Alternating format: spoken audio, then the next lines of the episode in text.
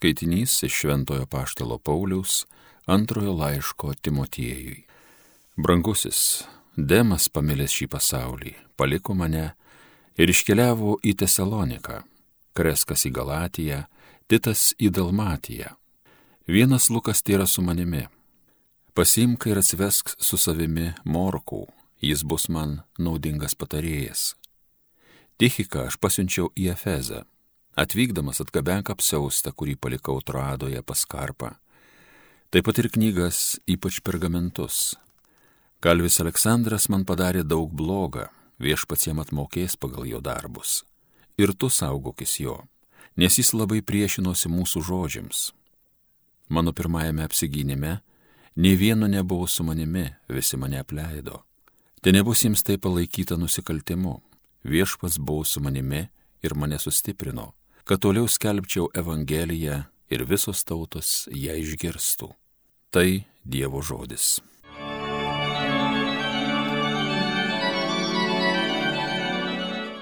Visi šventieji tegu skelbia viešpatie tavo karalystės kilnumą.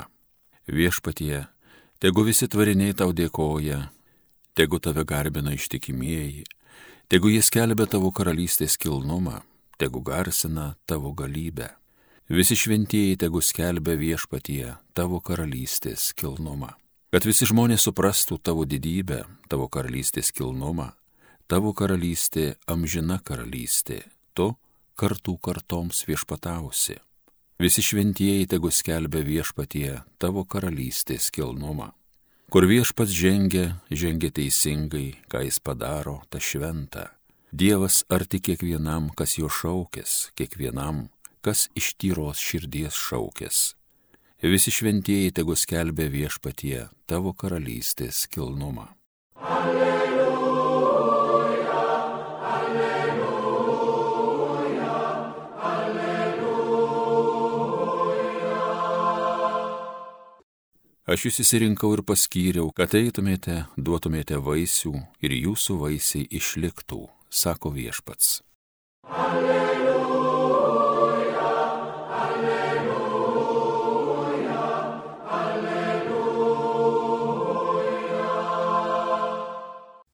Iš Evangelijos pagal Luką.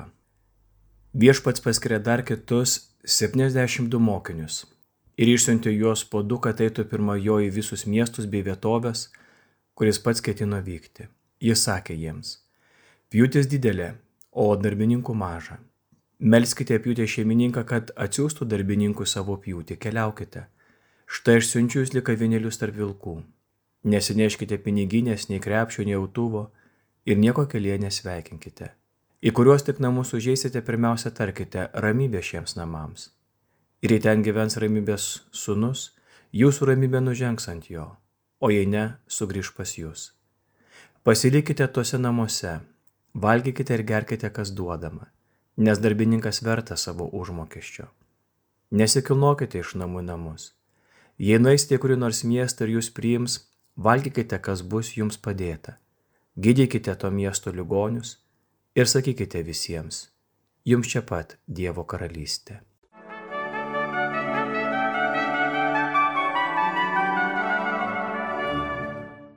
Šiandien liturgijoje pagerbėme Šventąjį Luką, evangelistą. Nuostabi girdėtojų Evangelijos ištrauka dar kartą mus pakviečia įžengti į savo širdį, įžengti į savo sąmonę, įžengti į kiekvienam iš mūsų paskirtą viešpaties pašaukimą, užduotį, misiją. Esame spalio mėnesį, kuomet melžiamės už misijų sėkmę pasaulyje.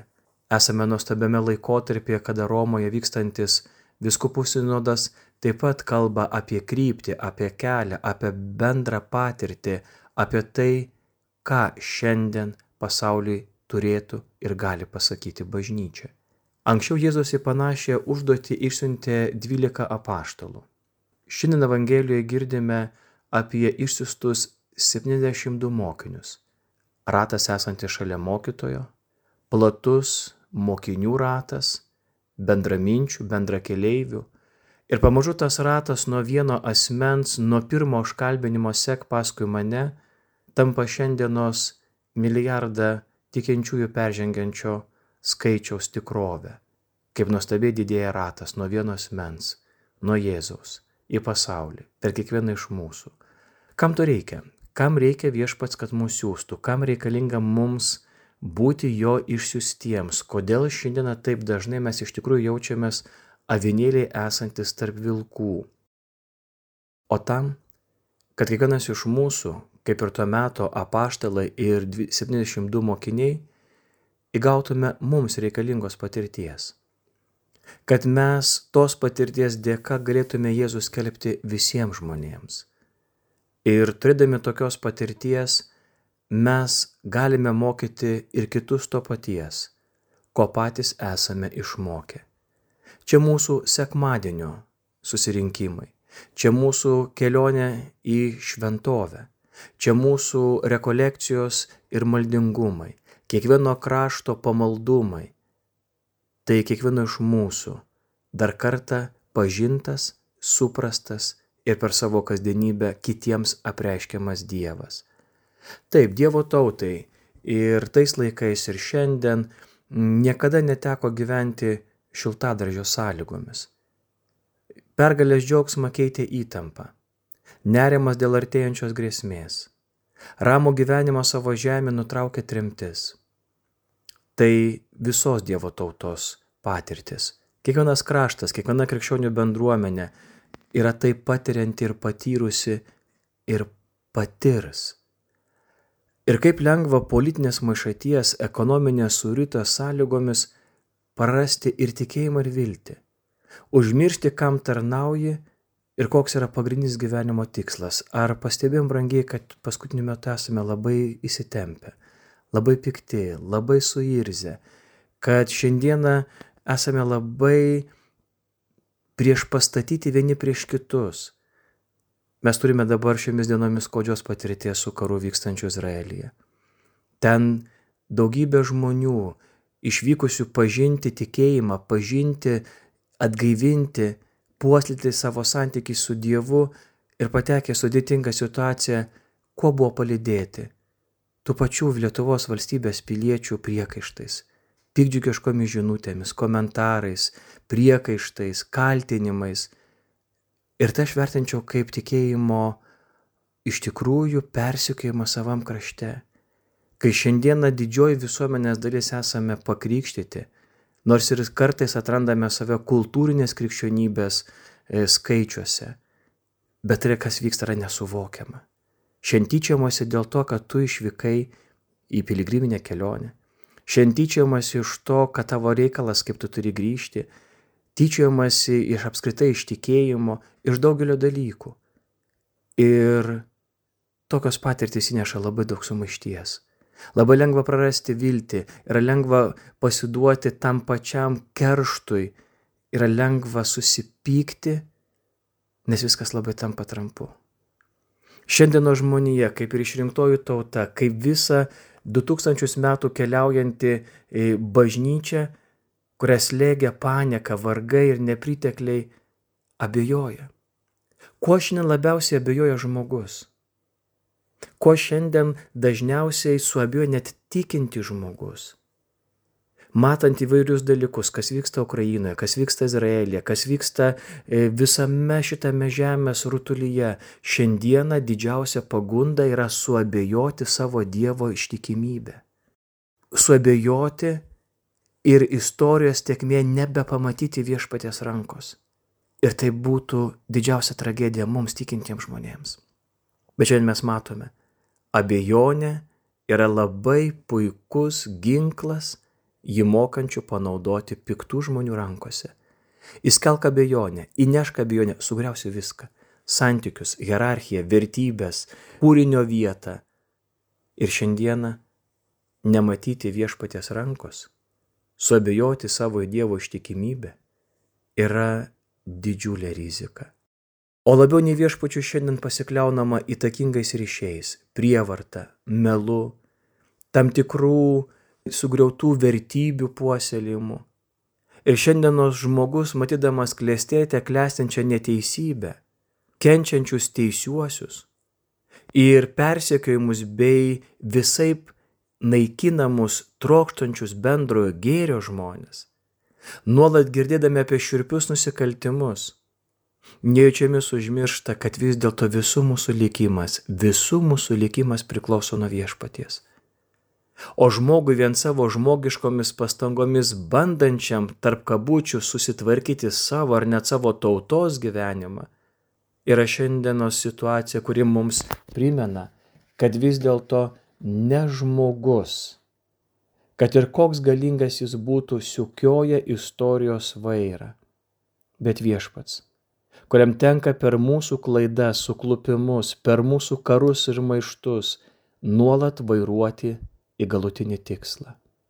Jėzus šiandien kiekvienam iš mūsų primena vieną gerai žinomą biblinę ištarmą užrašytą pirmajame Biblijos puslapyje - Dievas sukuria žmogų pagal savo paveikslą, pagal savo paveikslą sukūrė jį. Ir kiekviename žmogaus veide, net jei jis yra išblūkęs, sudulėjęs ar sudarkytas, mažiau ar labiau yra įspaustas Dievo paveikslas, bet įspaustas kiekviename iš mūsų. Šiandien viešpats išsirenka mokinius, juos išsiunčia, kad mes įgautume didžiulios patirties, niekada nepamirštume, mumise yra įspaustas Dievo paveikslas ir nesvarbu jaunas ar senas, tikintis ar netikintis, pažangus ar labai atsargus, išblūkęs, sudulėjęs ar sudarkytas, įspaustas Dievo paveikslas. Nes žmogus iš prigimties priklauso Dievui, jis yra Dievo ikona ir žmogus įkūnė tą nematomą veidą savyje turi dieviškumo pėtsaką. Todėl žmogus turi teisę, pareigą. Šiandien išdrysiu pavartoti žodį, mes visi turime prigimtinę teisę sugražinti Dievo paveikslą Dievui. O politinė valdžia ar įvairūs kiti pavojai kartais gali bandyti pasiglemšti žmogų, apriboti jo laisvę kėsintis atimti iš jo panašumą į kurėją. Ir tada žmogui, tada žmogui privalu tarti ne. Mes šiandien galime rasti daugybę pavyzdžių iš savo tautos kasdienybės, iš mūsų istorijos, kur šiandien mes tikinti žmonės daug kur turime pasakyti ne. Nes mes stebime tikrovę, kurioje gyvename. Mes stebime tikrovę, kad suprastume šios tikrovės prasme. Mes esame pašaukti bendrauti su pasauliu. Mes turime teisę turėti savo politinę, socialinę, ekonominę nuomonę perskaitytą Evangelijos šviesoje. Už tai mus puola, už tai mus kritikuoja, už tai mus šmeižia, intriguoja, pykdo tarpusavį, uždeda naštas ir mes pamažu tai matom net savam krašte. Bet mes šiandien turime teisę, kaip krikščionis, turėti savo ir politinę, ir socialinę, ir ekonominę nuomonę. Kodėl? nes mes visą tai perskaitam Evangelijos šviesoje. Pasveikinimas vartojant žodį ramybė atveria galimybę padėti pamatą supratimui ir sutarimui - ramybė. Šiandien mes Šventojo Luko evangelisto šventėje girdėtos Evangelijos akivaizdoj sutikę žmonės linkėkime šiandien jiems ramybės. Nes ramybė atveria galimybę padėti pamatą supratimui ir sutarimui. Žmonės, kurie buvo sveikinami būtent taip, jau nuo pat pradžių galėdavo laukti pokalbio apie Dievą. Pasiliekant ramybę, tai atvirumas ir susidomėjimas, o sugrįžtanti ramybė, tai atmetimas ir susidomėjimo trūkumas. Bet labai yra svarbu, kad šiandien aš kaip tikinti žmogus, išeidamas į šiandieną, kuri įvyksta manyje, būčiau ramybės apaštalas, ramybės pasiuntinys, ramybės pranašas Taigi mokiniai turi įgauti tokios patirties, kuri jiems padės atskirti tikrą tikėjimą nuo netikro. Vienų žmonių netikėjimas negali sustabdyti Dievo malonės plitimo pas kitus žmonės, kuriems ji bus svarbi reikalinga. Tačiau labai svarbu yra tikėjimo nepalaikyti netikėjimu, o netikėjimo tikėjimu. Galbūt ten dėl to ir dera viską pradėti nuo ramybės, kuri vėliau pateikė visus rūpimus bei reikalingus atsakymus. Tad tiek savo asmeninio gyvenimo, tiek savo tautos istorijoje neturėtume būti vieniši keleiviai, blaškomi variausių pagundų, negandų ar pametę kelionės kryptį. Jei atveriame savo širdį viešpačiu Jėzui Kristui, būkime tikri, jis atves mūsų tėvo namus, kur yra mūsų gyvenimo tikslas. Tik leiskime viešpaties vadovaujami, būkime ištikimi jo bendradarbiai. Šiandien atraskime save tose 72 mokiniuose, kuriems patikėta nuostabiausia misija - į tuos namus, kur užeisit, į savo darbo vietą, kur dabar nuvyksit, žmonės, kuriuos pamatysit, į tikrovę, kurią įžengsit, ateikit ir ištarkit - ramybė, ramybė šiems namams.